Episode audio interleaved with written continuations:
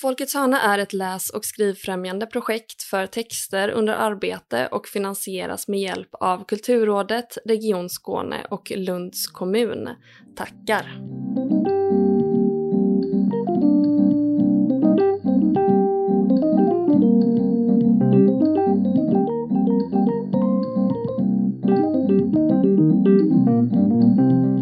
Hej och välkomna till Folkets hörna, en podd om den skrivande praktiken. Jag heter Emilia Palmén, bredvid mig sitter som vanligt Agnes Stenqvist och med oss idag har vi Frida Skibäck. Hej Frida! Hej! Vad roligt att få vara med i er podd. Det tycker vi med. Välkommen! Mm. Tack så mycket! Nu är det ju nästan precis en månad kvar tills din nya eh, roman De rotlösa eh, har släppt datum.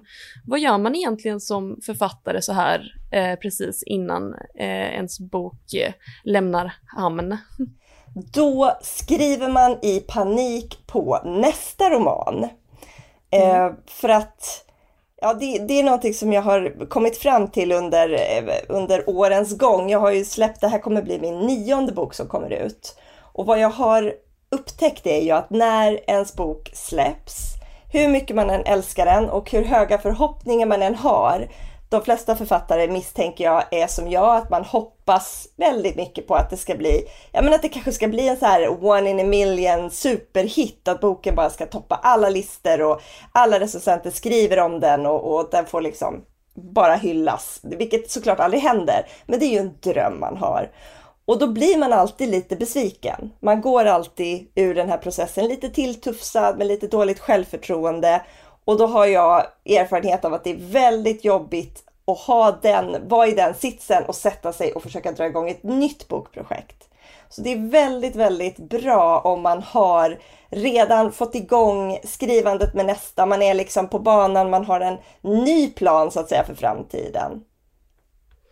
Mm. Så att ja, ni förstår, om, om det då är så att, att eh, det inte blir som man hoppats så kan man bara fokusera på nästa bok och tänka att jag struntar i vad som händer med den här boken. Den här nästa bok kommer att bli ännu bättre så att man lägger allt sitt fokus där. Man har lämnat de andra bakom sig redan och är någon annanstans. Ja, lite överlevnadsstrategi. Ett sätt mm. liksom att stå ut med den här ganska jobbiga tiden som det kan vara när man släpper en bok. Mm. Vad är det som händer där då när man, när man eh, släpper boken? Har du samtal som du, åker du på turné eller hur, hur funkar det för dig? Ja, jag brukar försöka göra det i den utsträckning. Vanligtvis gör jag ganska många framträdanden i samband med boksläpp. Jag är ute på många bibliotek och bokhandlar och gör signeringar och, och intervjuer och så. Men eh, de senaste ett och ett halvt åren har i princip allt varit inställt. Och det har varit supertrist. Så den här hösten är jag ändå ganska glad att det är en del grejer som händer. Jag ska till Bokmässan till exempel. Mm. Jag har mina första biblioteksframträdanden bokade. Ja, så att det, det känns jättekul. Så jag hoppas verkligen att, att, att det går att genomföra, att allting, att det får vara lite mer som vanligt.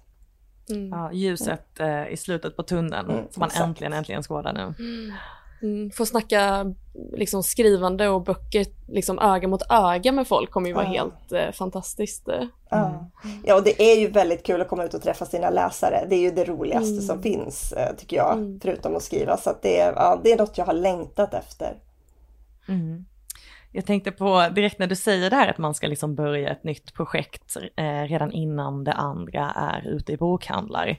Eh, man märker verkligen det. Vi var inne och, och researchade dig lite och satt liksom med så här höjda ögonbryn och bara, det är ju nästan bara ett år. Mm. Ibland lite mer mellan alla dina böcker som har kommit ut. Mm. Mm. Eh, hur, hur hinner man liksom, hur hinner du det? Hur hinner du komma på en ny idé och känna liksom att det här är rätt, det här ska jag ägna så pass mycket tid åt ändå som det tar att skriva en bok? Och ja. har du någon liksom, något recept så helt enkelt som du följer nästan? Nej, alltså jag tror, jag förstår precis vad du menar, för det är ju ett stort åtagande att bestämma sig för en idé och satsa på den. Mm. Eh, och samtidigt så tror jag att det är något man lär sig med åren att man lär sig identifiera vilken idé det är som man ska satsa på av de man har.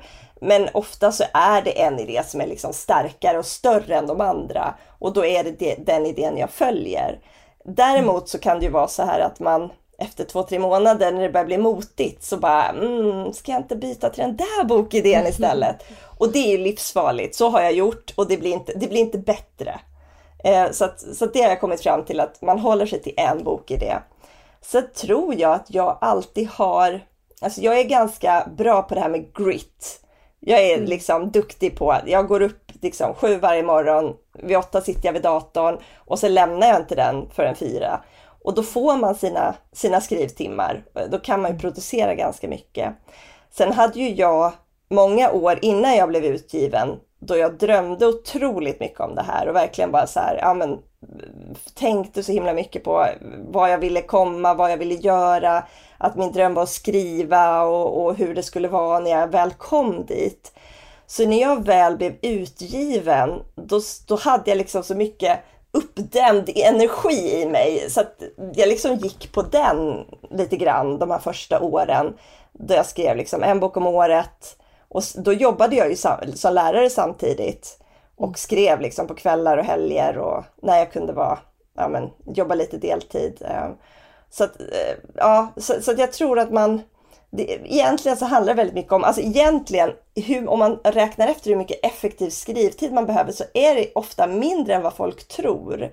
Däremot så behöver man ju mycket tid att tänka och planera och fundera och analysera och vad blir nästa steg och hur ska jag utveckla den här karaktären och vad kommer komma där. Ehm, så att ja, det gäller att hitta den där skrivtiden och då kan man bara skriva en bok om året. Men det är ett mm. högt tempo. Jag blir ganska provocerad när jag hör andra författare som ja, ja, men Läckberg till exempel har ju sagt att ja, men om man inte kan skriva en bok om året då är man bara lat. Och det tycker jag så här, mm, det, är, det är inte riktigt sant utan alla har ju sin process och olika berättelser tar olika lång tid att skriva. I, ibland så är jag klar liksom, långt innan deadline och ibland så är det så här, verkligen på håret och det är panik och jag skriver liksom dygnet runt. Så att ja, det, det är en, ja, det, det, men det funkar, det är också ett väldigt skönt tempo för mig att jag vet så här, ett år i taget. Det, det är jättehärligt att ha det inarbetat i kroppen på något sätt. Jag mm. vet att hösten är det råmanus och på våren är det redigering. Det är underbart att ha den rytmen. Mm. Hur gör du? För att för mig så låter det ju också när du säger sådär, ja men jag, du jobbade och du har, du har ju barn också mm. och så. Men hur gör man för att eh, prioritera skrivandet? Alltså man måste bara bestämma sig. När jag bestämde mig för att testa och skriva, var, då hade jag inte barn. Men jag jobbade heltid som lärare och var liksom i början av yrket och man verkligen, alltså man jobbar galet mycket och då var det, jag hade också en sån drivkraft att jag insåg liksom att jag kommer inte hålla som lärare hela livet. Jag kommer inte må bra av det här. Jag måste hitta, jag måste ta mig till en annan plats där jag kan jobba på ett sätt som jag mår bättre av. Eh, så att jag hade en så otroligt stark drivkraft i det att jag måste, måste lyckas. Och ehm, så då, så då bara valde jag bort allting annat. Alltså jag valde bort träffa kompisar, jag valde bort att träna, jag valde bort att gå ut, jag valde bort allt. Jag jobbade och jag skrev, det var liksom that's it. Och då fick jag in två skrivtimmar varje kväll och så skrev jag liksom kanske tio timmar varje helg. Mm. Och det, då gick det ju. Men det är ju inte, alltså det är ju tufft som 17. Det är jättehårt och, och man orkar ju inte det hur länge som helst. Nej. Och sen tror jag när man väl får barn, då är man ju ännu mer då är det ännu svårare. Men på ett sätt är det ännu svårare, på ett sätt är det inte det. För då blir man så himla glad och man får den där skrivtimmen. Man bara, åh, då utnyttjar man den till max. Alltså man, får, man blir bättre på att prioritera och man blir mer effektiv. För man måste det, för man har liksom inget val. Mm. Ja men det är ju just det där också om någon hör av sig och, och bara, ska, ska du med ut och ta ett eh, glas vin? Mm. Och så är man så, nej men jag skulle ju skriva idag fast det är ju så trevligt att gå ut och ett, ta ett glas vin. Hur ah. gör man, hur, gör man hur, hur väljer man, nej jag ska sitta hemma? Ja, alltså jag är jätteintrovert. för mig är inte det något Okej, problem. så ändra personlighet. Ja, ja, för mig är det liksom inget som helst problem. Jag skulle aldrig välja ett glas vin över att skriva. Därav framgång. ja, nej, men jag tänker också så här i och för sig att då vid det laget, eftersom jag jobbade som lärare och träffade liksom 100 personer om dagen. När jag kom ja. hem så var inte jag sugen att träffa fler nej, människor. Socialt dränerad. Ja men exakt, jag ville ju bara vara i fred i min värld där jag kunde kontrollera saker och, och ja, må, må bättre än vad jag gjorde liksom ute i verkligheten. Så att jag mm. tror att, eh, ja, nej men det är, det är såklart jättetufft. Men det är bara väl, mm. å andra sidan fast det är massa andra saker jag vill göra hellre. Mm. Alltså jag kanske hellre vill kolla på en film eller, eller ta ett bad eller vad som helst. Och det är bara att bestämma sig. Mm. Men, men jag tror också, för mig i alla fall, så är det så otroligt viktigt att ha en plan jag hade aldrig kunnat sätta mig bara så åh, jag sätter mig framför ett tomt dokument och ser vad som händer. Det blir liksom ingenting. Jag måste ha en jättetydlig plan. Jag har synopsis, jag vet vad jag ska. Jag har, ger mig själv deadlines och blir så otroligt peppad nu med mitt, liksom det jag skriver på nu har upptäckt, alltså då upptäckte jag att okej okay, den här veckan kommer jag ha skrivit 25% av råmanuset. Då måste man bara yeah! Ja, Till och med jag blev liksom pirrig av att höra det. ja men då blir man, alltså man måste vara jätteduktig på att peppa sig själv så bara gud vad bra, det går jättefort. Du kommer vara klar i oktober. Fast det är man mm. inte, men liksom så här bara oh. Um, ja, så att jag tror väldigt mycket fokus, mål, liksom ha mål, deadlines, pusha sig själv, vara sin egen chef lite grann. Mm. Jag tänker på det du säger att du, liksom, du gjorde ett val, nu ska jag satsa på det här, nu skriver jag de här timmarna, lägger ner den här otroligt eh, stora mängden tiden då, samtidigt mm. som jag har ett heltidsjobb.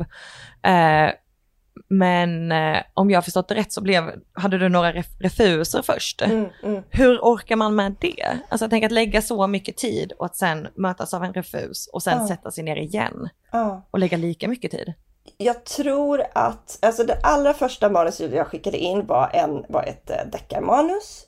Och då hade jag aldrig, alltså jag hade aldrig hört talas om en dramaturgisk kurva. Jag hade noll verktyg, alltså verkligen på riktigt noll. Vad jag gjorde var att jag satte mig och typ analyserade, för jag är ju, ja, jag är ju språklärare så jag har ju haft lyxen att liksom läsa litteraturvetenskap. Och verkligen så här detaljanalyserade några bästsäljande böcker och försökte göra någon slags plan. Okej, okay, hur gör de? Hur, hur, när presenteras olika, när presenteras mördaren och när händer det här? Och så tänkte jag, jag försöker använda det som någon slags stomme och skrev ett manus och skickade in. Och då var det fortfarande pappersmanus. Jag hade liksom wow. bara, orkar bara skicka till tre. Alltså det var så här, tre, det är skitjobbigt att trycka ut tre manus, det får räcka liksom. Ehm, men då fick jag svar av ett av de största förlagen i Sverige med lektörsutlåtande och bara så vi tycker det här är jättespännande. Vi, eh, eh, vi är intresserade av att ge ut den här boken. Och, eh, och då fick jag lite instruktioner att jag skulle jobba om manuset. Huvudkaraktären var för ung till exempel, hon behövde bli äldre och lite sådana grejer. Ja, så då skrev jag om, skickade in igen, fick igen superpositivt. Förläggaren sa till och med ordagrant, jag älskar den här historien. Mm. Jag bara, oh, okej, okay, bra. Eh, vi ska diskutera den i manusgruppen. Och sen blev det ju eh, till slut så, vilket var liksom en chock för mig, att de bara, nej tyvärr, den är för lik en annan författare vi redan har. Din stil påminner för mycket om, om hennes, så det blir för mycket konkurrens, så tyvärr, vi kan inte ge ut den. Men då hade jag varit så nära. Alltså jag ah. hade ändå den här smaken av att jag alltså jag var så otroligt nära. Och det gjorde att jag kunde ha kvar det här drivet. Att jag bara fan, nu måste jag liksom sätta den. Så då testade jag med lite olika idéer och höll på, alltså sådär. Som jag då, det var då jag höll på att byta idé. Alltså jag skrev så ett halvt manus, sen bytte jag idé, skrev ett halvt lite. Men till slut så tänkte jag nej, nu får jag skärpa mig. Um, och då skulle jag få mitt första barn och tänkte nu är det kört. Om jag inte fixar det nu, då är det kört tänkte jag. Um, vilket såklart är jättelöjligt för jag var ju inte så mm. gammal. Men, men jag tänkte det. Uh, och skickade in det och, och det blev antaget direkt. Mm. Och hade inte det blivit antaget, ja jag vet inte. Fast ja, jag kanske du hade, hade antagligen fortsatt. Jag hade förmodligen fortsatt. Men det är en bättre story om man ja. är såhär, nej det var, om det inte var, det här så hade, hade det inte funnits någon Frida Skybeck på bokhyllorna. Sliding doors, ja. ja. Mm. Och det var helt enkelt Charlotte Hassel. Mm, precis. Mm. mm. Som vi också har läst. Åh oh, herregud, ja det var ju mm. väldigt intressant. Men alltså så här, den boken skrev ju jag eh, då under, ja, parallellt med att jag jobbade. Eh, och sen blev jag ju lovad liksom att, av förlaget att ja, men det, vi, liksom allting som ingår i ett... Jag visste ju inte riktigt. Men det blev aldrig redaktörsläst. Det blev aldrig, oh, in, inte ett ord, ingen lektörsläsning, ingenting. Så oh. nu när jag läser så får jag så panik. Den har jag liksom, det är bara mitt, alltså det är ju typ egenutgivning nästan. Alltså om ni mm. förstår. Det är jättejobbigt. Så jag får lite panik när folk har läst den. Men, men å andra sidan, herregud. Det är en bra det. story. Ja, Alltså, ja, mm. ja, men det var tack. Det är också, men det är, det är kul att se också vissa saker som alltså återkommer i eh, liksom Frida Skibeck-världen. Liksom. Mm. Att det är vissa saker, ja men så här med England och, och sådär också med eh, just det här med karaktärerna och att de alltid, liksom alla karaktärer har någonting som är lite sådär, vad var det vi sa? Vi sa Lite Just det, men att de- normbrytande. Ja, att du liksom på något sätt uppmärksammar fördomar. Mm, Ehm, och i den så är det ju också så, eh, om att Charlotte inte vill liksom eh, anpassa sig efter 1700-talets liksom s- snäva kvinnonormer och sånt där. Och det Mm. eh, tycker vi ändå att man ser komma igen i dina, i, i dina böcker. Mm. Ja. Eh, är det något som du har liksom i, eh, i åtanke när du, när du lägger grunden för en, en berättelse eller kommer det lite efter eller? Alltså det är nog aldrig medvetet. Det är inte så att jag, med, att jag tänker så här, åh jag ska skriva politiskt och påverka på det här sättet.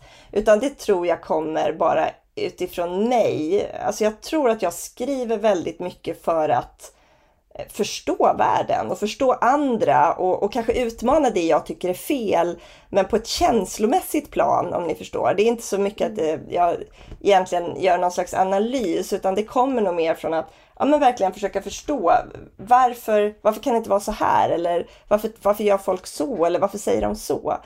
Ehm, så att jag tror det handlar väldigt mycket om att försöka utforska och och förstå vad som händer när man, ja men då till exempel är normbrytande och, och hur andra reagerar och varför andra reagerar på olika sätt. Så jag tror det kommer mycket, ja, nej men det är som sagt en känslomässig reaktion. Ja, och sen det finns ju dels den som vi la märke till och sen har du ju också just det historiska perspektivet som också även i de här mer nutida romanerna som till exempel eh, bokhandeln på Riverside Drive. Att det är en nutid men det finns nästan alltid ändå ett historiskt perspektiv eller en sido eh, historia. Mm. Parallellhistoria på något sätt. Ja, Mm. vad är det liksom, vad är det lockande med just den historiska aspekten? Ja, jag, jag tror att jag är väldigt, alltså dels är jag ju intresserad av historia bara som, som, som ämne. Jag är ju historielärare och har liksom pluggat det och, och tycker att det är väldigt spännande och framförallt det är, går då in i det här med mitt, mitt, min, min önskan att försöka förstå andra människor och förstå samhället. Att jag är ju övertygad om att vi är väldigt, väldigt färgade av vår historia och att vi formas väldigt mycket som människor utifrån ja, men vår egen familj, vad som har hänt där, vilka våra mor och farföräldrar är och var, var vi kommer ifrån även längre tillbaks i tiden. Eh, men att vi kanske tappar greppet om det ganska mycket, eller idag att det inte är så viktigt. Om ni tänker er för hundra år sedan, då bodde man ju liksom med sina morföräldrar kanske och då visste, och då är det klart att man pratade mycket mer om var kommer jag ifrån och vem är jag? Och idag så ska vi liksom försöka forma den där identiteten utan att riktigt veta eh, vad vi har för bakgrund och det tror jag kan göra att man, man känner sig vilsen eller att man inte alltid mår så bra.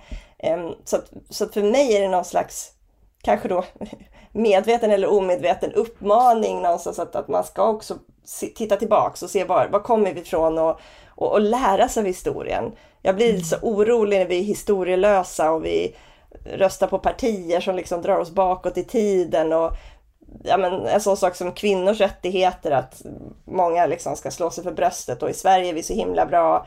Men vi är ju fortfarande många områden där vi inte är jämlika och det är ju bara drygt hundra år sedan kvinnor fick rösträtt i Sverige. Alltså det är, går ganska fort att backa tillbaks.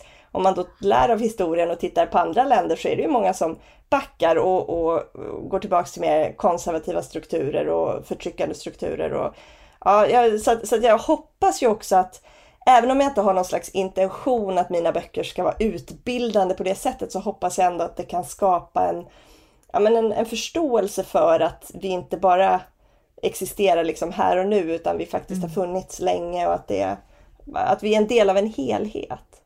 Mm. Mm. Det ger ju också verkligen ett extra djup till berättelsen när man eh, får en historisk förankring på det sättet. Hur gör du din eh, research för eh, de historiska aspekterna?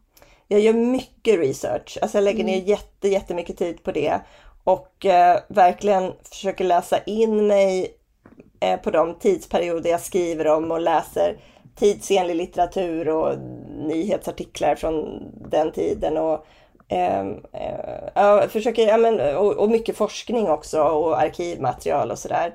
Och det är ju väldigt roligt. Alltså det känns ju som en superlyx att få sitta och göra det på, på sin eh, arbetstid. Mm. Eh, men jag tror också, jag hoppas ju att det ger en, en eh, Ja men att det ger, ja, som du säger, det är ju djupt historia men också att, det, det, att man verkligen får känslan av att, att det är på riktigt. Alltså det är viktigt för mig att det känns trovärdigt. Sen är det ju alltid det här, ja, trovärdighet, fiktion. Det viktigaste är ju någonstans en god historia. Mm. Men att jag tycker att det är väldigt kul att, att kunna ha med en, en, en, liksom en, ja, men en, en, en, en färgbild från en annan tid. Och jag hoppas ju också att det gör att mina läsare blir nyfikna på historia och intresserade, alltså blir kanske blir mer intresserade eller, eller um, faktiskt... Vill gräva djupare kanske? Ja men precis, att de, att de får mer smak, att de blir sugna på att uh, läsa mer och lära sig mer om olika tider.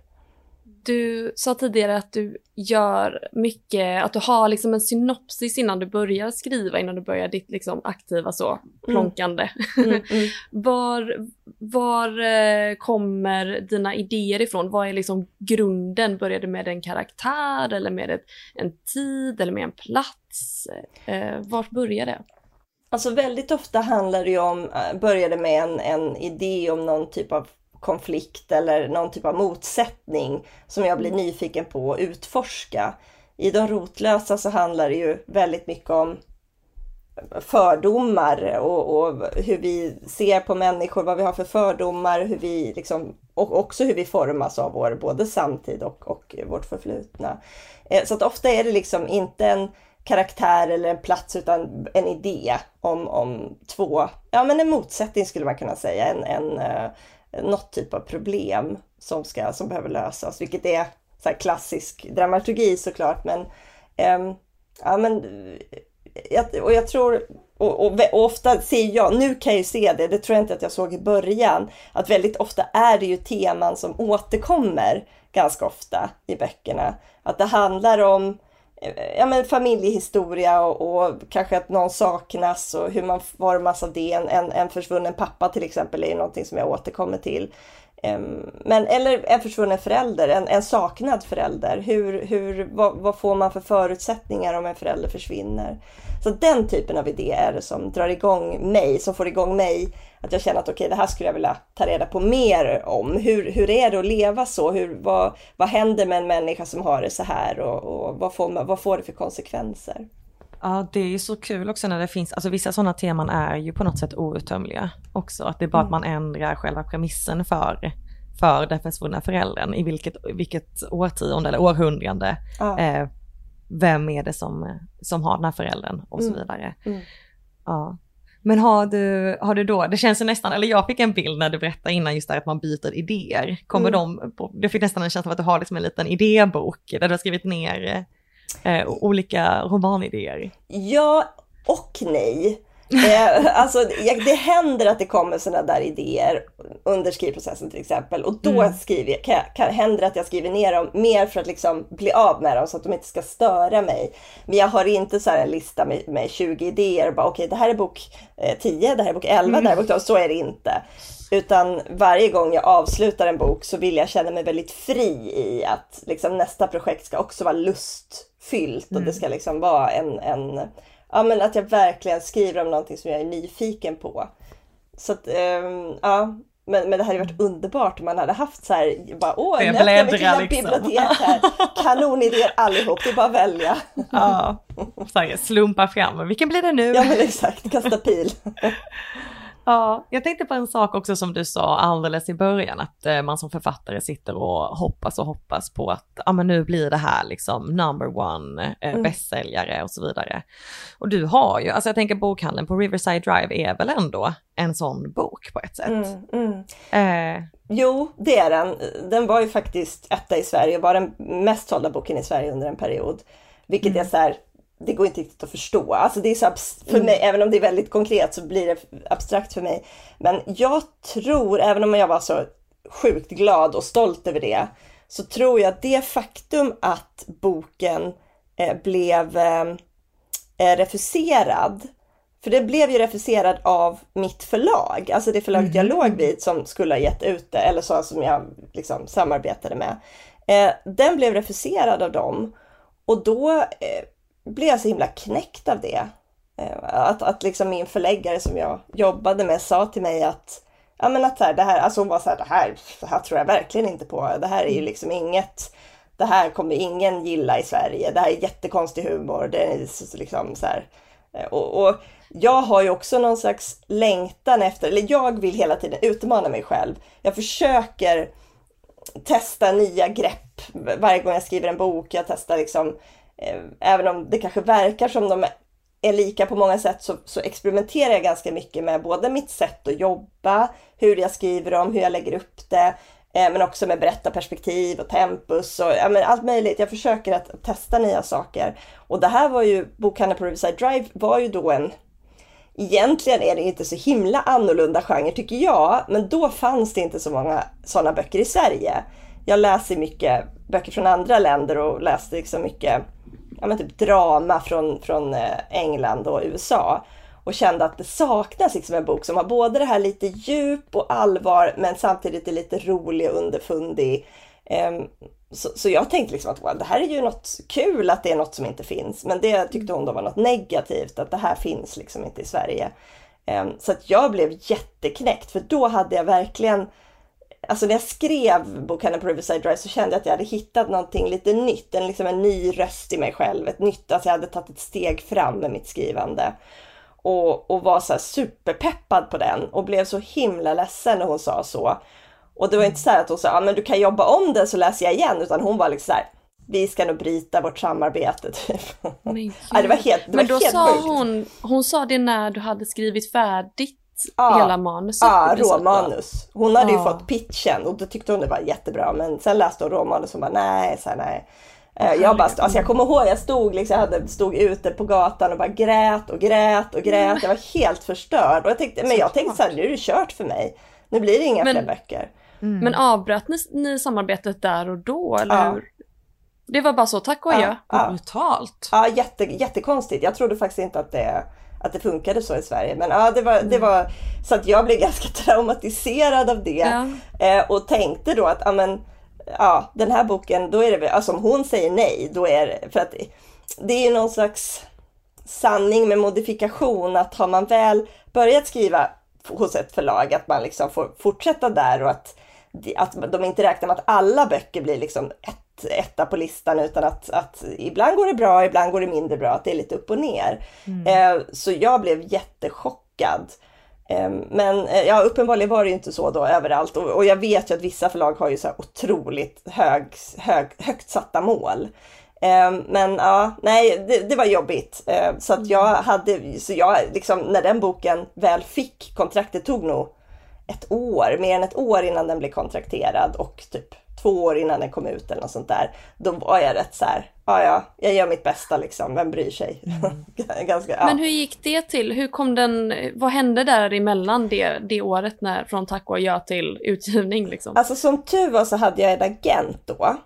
Mm. Och hon skickade den till liksom flera andra förlag och det var liksom ingen som ens läste. De svarade inte ens. Så att jag var så här, nej men det är väl kört, alltså jag får lägga ner det här. Eh, och sen till slut var det då ett litet nystartat förlag då, som heter LB förlag som, som, eh, som hade läst och, och, och, och som bara, ah, men vi tycker det är jättebra, vi ger ut den. Ja ah, men vad kul, tänkte ja, ja visst kul liksom. Den kommer ut, den kommer ju, ingen kommer bry sig.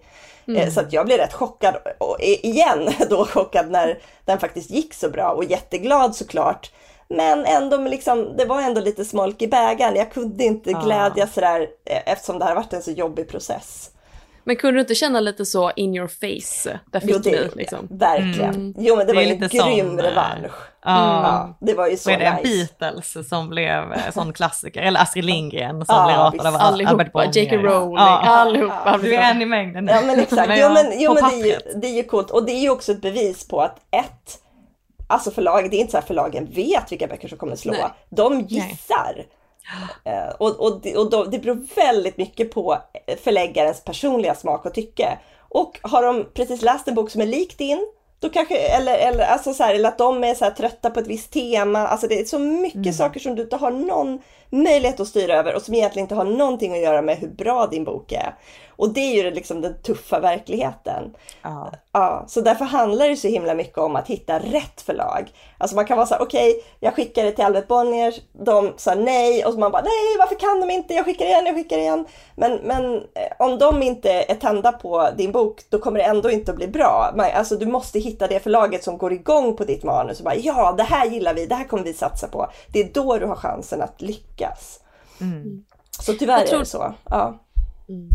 Vad tror du som gjorde, vad tror du det var med eh, Riverside som eh, liksom fångade läsaren? Varför blev fångade den sån? Sverige. Fångade ja, Sverige. Sverige men, ja men exakt, vad var det som, som liksom klickade där? Jag tror att det var eh, Dels tror jag att det var eh, just det här som jag sa innan, att det var något som kändes lite nytt och lite... Jag har ju hört från ganska många att de trodde att det var en brittisk författare. Mm. De förstod inte att det var en svensk bok. Eh, så det kan ju ha varit så här, åh vad spännande, exotiskt, en bok om London. Eh, och så säger det jag som har skrivit den. Men, men, men eh, så det tror jag dels kan vara, och dels att Alltså jag tror det handlar jättemycket om att bara ha tur. Tur med teman, tur med omslag, tur med liksom att storyn, att det var många som fastnade för den. Ehm, och jag någonstans, ofta så kan man ju tänka så här, åh nu ska jag försöka skriva en bok som kan bli en bästsäljare och vad vill folk läsa och vad vill folk ha? Men i slutändan så har jag landat i att det ändå alltid handlar om att skriva böcker som man själv gillar. Eh, och det är mm. alltid mitt mål. Jag skriver för min egen skull. Jag skriver för att underhålla mig själv. Och det här var en bok som jag som jag gillade, alltså som jag tyckte att ja, men här får jag drama, jag får liksom allvar, jag får eh, liksom gotta mig i Londonmiljön, jag får skoja om litteratur, vilket jag tycker liksom är ett jätteroligt tema som folk skriver alldeles för lite om.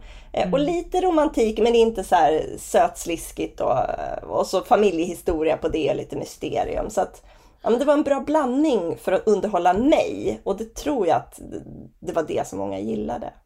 När tycker du det är som roligast att skriva? När jag, alltså under, egentligen under hela skrivprocessen, men när jag kopplar bort resten av världen. När jag inte mm. tänker på vad någon annan kommer tycka eller vad någon annan kommer säga eller om det kommer bli bra eller dåligt. Utan jag bara skriver för att det är kul och för, som jag sa, att underhålla mig själv. Att liksom, ja men verkligen så här, hur kan jag göra det spännande för mig och intressant för mig?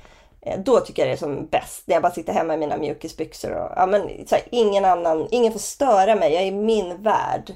Det mm. tycker jag är det bästa. Det älskar jag verkligen. Men kan du tänka bort eh, läsaren när du sitter och, och skriver?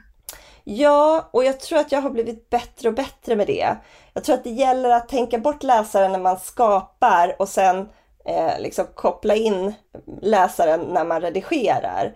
Mm. Att verkligen vara snäll mot sig själv och först, nu, nu testar jag för första gången att bara så här flödesskriva. Det har jag faktiskt aldrig gjort. Jag har alltid så skrivit lite, redigerat lite, skrivit lite, redigerat lite.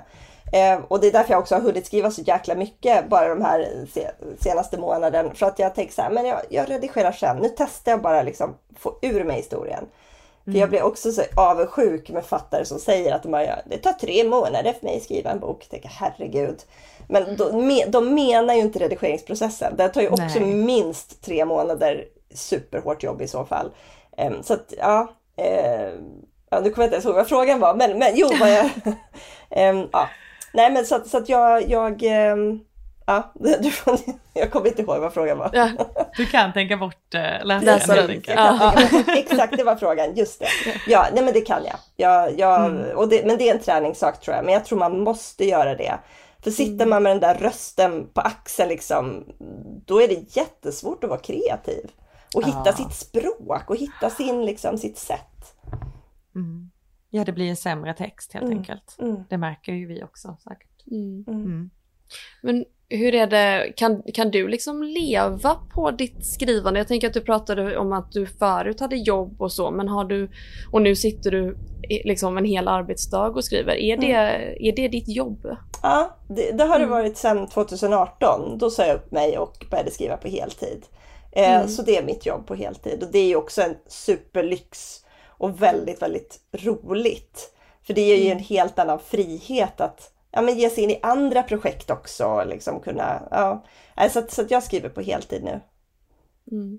Men är det liksom pengar från försäljning är det, eller är det saker runt omkring eller hur? Nej, det är pengar från försäljning. Okej, okay. ja, mm. ja. Det är ju jättefett ju. Ja, det är mm. jätte, jätte, jättehärligt och, och det är ju både pengar från Sverige men också från andra marknader. Det är Just ju ganska det. viktigt om, alltså du måste sälja så otroligt mycket böcker i Sverige. Nu säljer ju mina böcker ungefär 100 000 per mm. titel och det kan man ju leva på eh, om man har bra avtal och, och sådär och, och beror sig på hur det är fördelat. Men min, mina böcker säljer faktiskt mest i pappers, i tryck. Mm. Jag vet att nästan alla författare säljer mest i ljud, men det gör inte jag. Jag säljer mest i tryck och det är jättekul. Och det vet jag inte om det har att göra med vilken typ av bok det är, men, men i vilket fall så, så, behöver man också utländsk försäljning och de viktigaste marknaderna, alltså Tyskland och Norge och Danmark. Så det är en stor del av att kunna försörja sig som, som författare. Är det bättre royalty utomlands? Nej, det är mycket sämre. Men de säljer mer? Ja, men det är mer att det blir liksom en bonusinkomst. Mm. Ja, ja. Alltså så okay. att du har, mm. din, du har din grund i Sverige mm. och så kommer det liksom till. Och i mm. länder som Tyskland, där får jag ju mer betalt. Även om jag, eller där, är så, där marknaden är så stor. Så där får ja. jag liksom lika mycket som i Sverige. Fast mm. jag, jag säljer mer procent, procentuellt i relation till befolkningen i Sverige om du förstår. Just det, mm. ja. Jag blev lite sugen på att äh, dra tillbaka det till där vi var innan. Men Prata just, om pengar. Nej, det är Emilias favoritämne. Jag var nej, skriva, ja. Men eh, när jag tänkte vi pratade om att stänga ute läsaren, så tänker jag tvärtom om att släppa in läsaren. Eh, jag och Emilia pratade om till exempel om du har ett Instagramkonto där du har en, en hel del följare mm. och den, att ha den kontakten med läsaren. Är det, hur funkar det med, med skrivandet och är det en boost? Är det liksom, speciellt kanske nu under pandemin när man, som vi säger, att man liksom inte har sett en mm, läsare mm. i ögonen. Mm. Eh, vad ger den, hur fungerar den plattformen för dig? Alltså det är också mer en bonus. Mm. Eh, om den skulle försvinna imorgon så skulle inte det påverka mig särskilt mycket. Det är väldigt kul att liksom få ja, men kunna säga saker och få liksom lite, det är ju folk som typ hejar på, alltså det är som man är ute och springer och någon bara heja heja, lite så är det ju. Mm. Och det är jättehärligt. Samtidigt så är jag en ganska, alltså jag har lärt mig ganska eh, den hårda vägen, vad hemskt det låter, men att, att försöka, alltså för mig personligen är det så viktigt att stänga av de andra rösterna.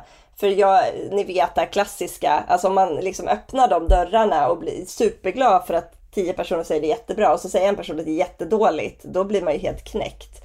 Mm. Så, att, så att jag har nog kommit fram till att, att när folk säger åh dina böcker är bra, åh tack, jag blir jätte, jätteglad. Men det är inte så här att det, det är det som gör att jag kan gå upp nästa morgon och skriva. Utan det är bara, det är bara liksom strössel på tårtan.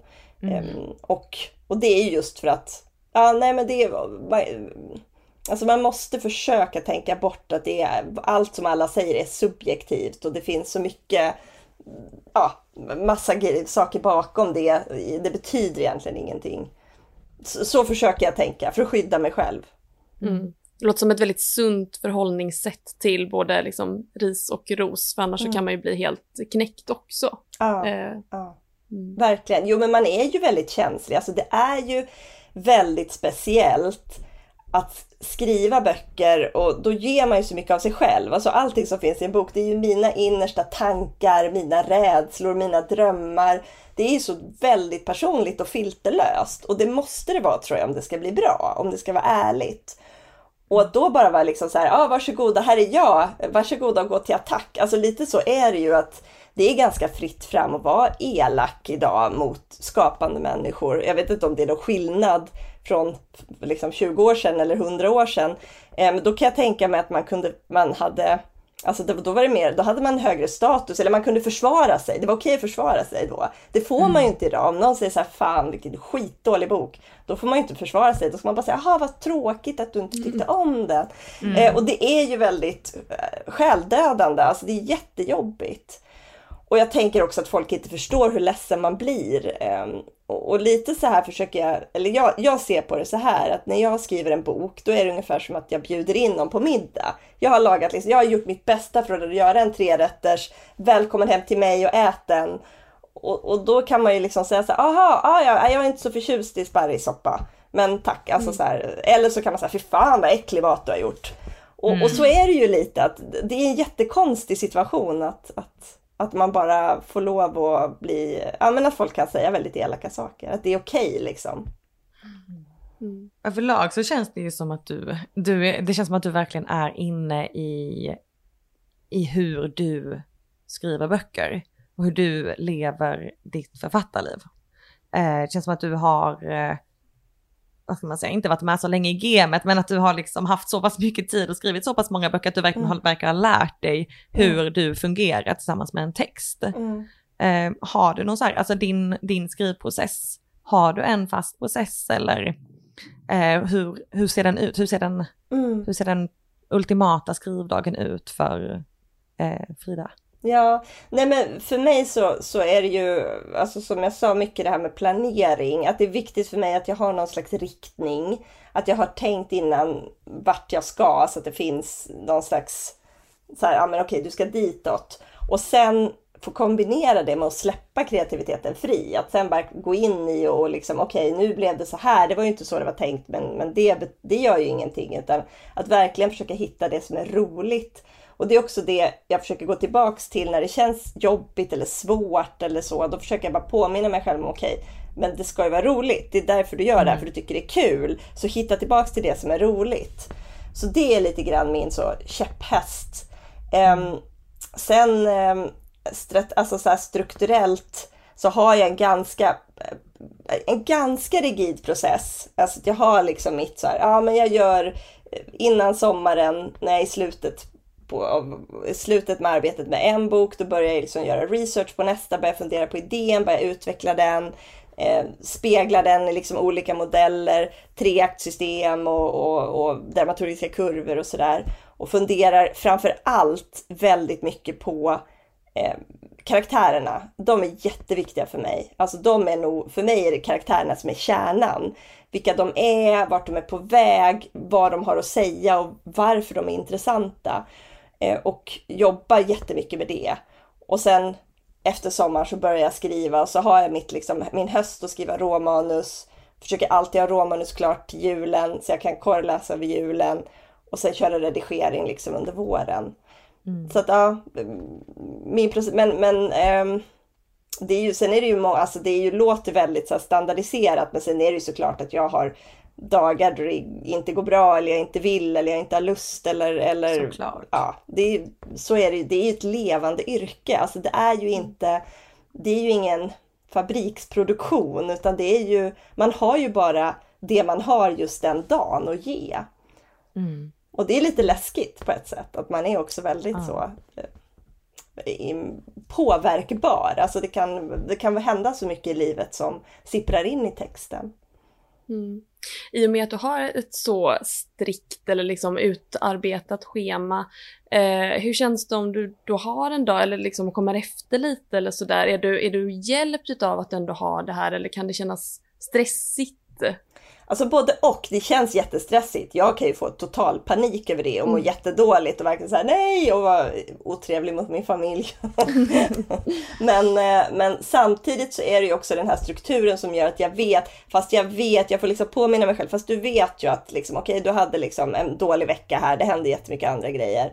Men liksom tillbaks till banan, fortsätt spring så kommer du komma till målet. Jag vet ju att det går för att jag har gjort det förut. Mm. Jag har facit i hand. Ja, men, men, samtidigt ska jag också säga varje gång jag påbörjar ett nytt projekt så har jag jättemycket tvivel, jättemycket oro att det här kommer inte bli bra det här kommer jag inte, jag kommer inte lyckas. Eh, jag, alltså det är verkligen inte så att, för det hörde jag också någon författare som sa att bara, åh, det känns så kul nu när jag skriver min tredje bok, för jag vet, en man såklart, jag vet att jag är så bra på det här nu, det är bara att skriva. Ja. Och så, det är aldrig, aldrig en gång i mitt liv har jag tänkt så här, gud vad bra jag är. Utan jag tänker bara så här, shit jag måste försöka lyckas, jag måste försöka få det här på plats. Jag måste Mm. liksom, om jag verkligen jobbar med att förbättra mig själv och analysera och lyssna på hur andra gör så kanske liksom jag kommer, det kommer bli bättre liksom. Så att, eh, och, och det tror jag, det är jobbigt. Alltså det är slitsamt att vara en sån person. Det handlar väl om min personlighet antar jag. Men samtidigt gör det också att jag hela tiden drivs av att försöka försöka bli bättre och försöka utvecklas, testa nya saker, ta ett nytt steg. Och det är också det som är roligt. Att, alltså jag tror inte jag tyckte det var kul om, om jag satt och skrev samma bok liksom, eh, tio år i rad. Ja, men på tal om det om att, att prova nya grejer och sådär. Nu läste jag någonstans om att den här senaste boken, De rotlösa, är din första spänningsroman. Mm. Eh, Men du sa också tidigare att du har skrivit en deckare innan. Mm, Eh, Men eh, kan du inte berätta lite om De rotlösa? Eh, Mm. Utan att liksom eh, avslöja för mycket för, för läsaren, men, eller lyssnaren. Men eh, Absolut. en liten tease. Mm. Ja, ja men absolut. Ja, de rotlösa handlar om eh, Lydia som bor i Malmö. Hon är ung tjej, hon, hon bor hemma hos sin pappa, tar hand om honom. Och så har hon en bror, Danny, som hon har en väldigt nära relation till. Och de har haft en ganska jobbig uppväxt. De har haft det ganska tufft. Eh, mamman har, har gått bort i cancer och de har liksom haft, det har varit en utmanande liksom, uppväxtsituation. Och Danny har då dragits in i kriminalitet. Han har, han har eh, blivit upplockad av ett gäng och börjat begå brott i ganska tidig ålder. Men sen har han lyckats bryta med det livet och eh, bestäm, eh, så lovat sin familj att nu kommer jag liksom, eh, det är inga droger, det är inga brott, jag kommer liksom leva ett så här bra liv. Eh, och, och då börjar boken med att Lydia får veta att hennes bror är försvunnen och han är, är anklagad för ett allvarligt brott. Och polisen tror att han har fört bort en kvinna som heter Linnea. Och eh, hon blir då liksom jättechockad, jätteledsen, eh, förtvivlad över det här. Men samtidigt så litar hon inte riktigt på att, att polisen har rätt. Hon, hon Eh, lever ju då i en värld där hon utsätts för fördomar eh, på, på grund av sin bakgrund och, eller sin, sitt ursprung. Och eh, ja, men så här, hon, hon vill inte riktigt tro att det är sant. Så hon bestämmer sig för att försöka ta reda på vad det är som har hänt med Danny. Och den här historien är berättad på ett sätt som jag inte har testat att skriva förut, att den är uppdelad i tre delar och att första delen då är eh, all, tre jag-berättelser. Första delen är eh, Lydias berättelse då och andra delen är Dannys berättelse när han då berättar sin version av vad det är som har hänt och tredje delen är då den här bortförda kvinnan Linneas historia där hon berättar sitt, sitt, sin berättelse.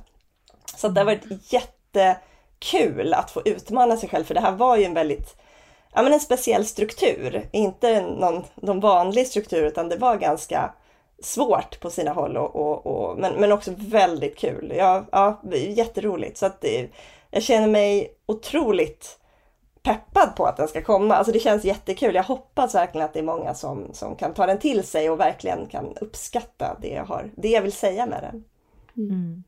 Ja, alltså den är ju väldigt berättartekniskt eh, eh, spännande. Alltså det tillför ju verkligen till historien de här olika, dels perspektiven men också att jobba just med det här tillbakablickarna och sådär. Eh, hur, och de här de tre olika perspektiven, skrev du dem var för sig eller skrev du dem parallellt? Jag skrev dem var för sig och det gör jag alltid. Alltså jag har ju, eh, om vi tar, eller alla mina böcker i princip, är ju växla, växlar mellan olika perspektiv och olika tidsplan. Till exempel nutid då, och liksom för 30 år sedan. Och då skriver jag alltid alla de historierna separat. Eh, Så att i bo- bokhandeln Riverside Drive till exempel så skriver jag historien om Charlotte när hon kommer till bokhandeln i nutid. Skriver jag liksom som en historia och sen skriver jag dåtidshistorien när man får följa hennes moster eh, 30 år tidigare som en historia. Och sen flätar jag ihop dem på slutet. Och det eh, och, och, och, men, men nu så testade jag det istället att liksom inte fläta ihop dem utan låta dem vara separata. Och det var, ja, men det var väldigt, väldigt kul att eh, eh, och, och jag har också försökt att jobba mycket med språket. eh, Att jag, ja, men att jag bestämmer mig lite när jag börjar skriva en bok för en stil. Till exempel, ja, om vi då fortsätter med bokhandeln på Riverside Drive, den är ju mycket där är det mer, ett mer utvecklat språk, eller jag kanske i den, till den genren hör vi lite mer att man berättar mer om vad karaktärerna känner och vad de tänker. Eh, och i den här så har jag försökt hålla det väldigt avskalat och ett väldigt liksom enkelt avskalat språk. Eh, med ännu mer, jag älskar undertexter, men här är det liksom mycket mer undertexter så att man kan, mm. ja, det finns mer för läsaren att fundera över. Så ja. mm. Men det är just det där också att man inte ska, alltså eh, att eftersom att det är jag-perspektiv också, det är ett inifrån perspektiv och att jaget inte ska avslöja för mycket hela tiden utan mm, att det mm. är, det känns som att det är ganska svårt att, att eh, skriva så, hålla tillbaka på det sättet. Mm, mm. Jo men det är det det är ju det som är den stora utmaningen. Att försöka hitta in i jaget utan att visa för mycket av jaget. Att visa den, jag menar, och väldigt mycket, det, hjälp, det har hjälpt mig mycket att tänka på skrivande som att det faktiskt handlar väldigt mycket om att manipulera läsaren. Att få läsaren att känna olika saker och att att vara lite som en guide, liksom en reseledare, att man har redan bestämt vart de ska och så ska man försöka ta dem dit men, men man mm. bestäm, jag bestämmer vilken väg de ska gå. Så det, ja, men det är roligt och jag tycker det är kul att, ja, men att testa olika sätt och, och, och verkligen försöka hitta nya sätt att uttrycka mig på. Mm. Men har du testat att skriva eh, de här parallella, eller de två berättelserna, tidsspåren, eh, som en fläta direkt? Nej, jag har Eller, aldrig gjort det. Aldrig. Kanske nästa, nästa utmaning. ja, kanske det blir så. Jag tänker, ja. men för sånt är så spännande också att se ja. vad händer då. Alltså det kan ju bli en helt annan ja. slags eh, historia också. Ja. Verkligen. Ja. Nej, men det är jättekul. Och sen vill jag också säga att när jag skriver, det tycker jag också är lite så här, ganska roligt det här med genrer. Att ibland så, eh, eller många tror, tror jag, att man tänker väldigt mycket genre när man skriver. Och det gör kanske vissa, men jag tänker inte så mycket genre. Jag till exempel bokhandeln på Riverside Drive har ju kallats för en feel roman Det var ju inget som jag, jag hade aldrig hört ordet när liksom vi bestämde oss för ge ut den och de bara, tycker du vi ska kalla det för en feel roman Jag bara, ja, okej, okay, så här, det kan vi väl göra. Bara, det är bara min berättelse, jag vet inte. exakt, nej men exakt. Ja. Jag, jag, och det tror jag också så här, folk säger, ha nu skriver du det här, Hur, varför gör du det? Mm. Ja, men jag ville berätta den här historien och det blir liksom, det här drar åt spänningshållet, då blir det en spänningsroman. Mm. Mm. Folk är ju väldigt glada för att eh, rubricera saker. Mm katalogisera. Mm. Verkligen, verkligen. Mm. Har du någonting eh, sista som du vill eh, ta upp eller säga innan vi eh, lägger på för idag?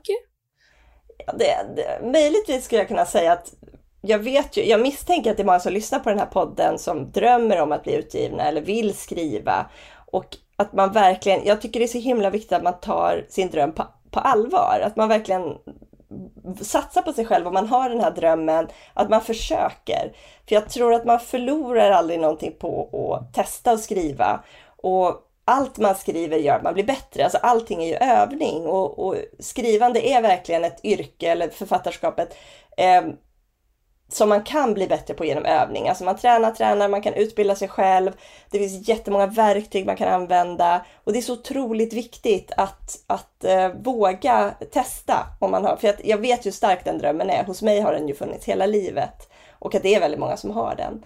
Så jag vill verkligen bara uppmana alla att var inte rädda för att skriva. Du kan ju sitta i din ensamhet, du bestämmer själv, du skriver vad du tycker är roligt, spännande, intressant och du skriver för din egen skull. Och det är ju alltid mm. det första steget. Tack för de visdomsorden mm. Frida och tack för att du ville vara med idag. Mm, tack för att jag fick vara med, det var jättekul. Jättekul. Mm, tycker vi med. Mm. Och tack som alltid säger vi tack till Klara också, vår fina klippare. ja. Då får ni alla lyssnare ha det så bra och så hörs vi nästa gång. Tack och hej då. Hej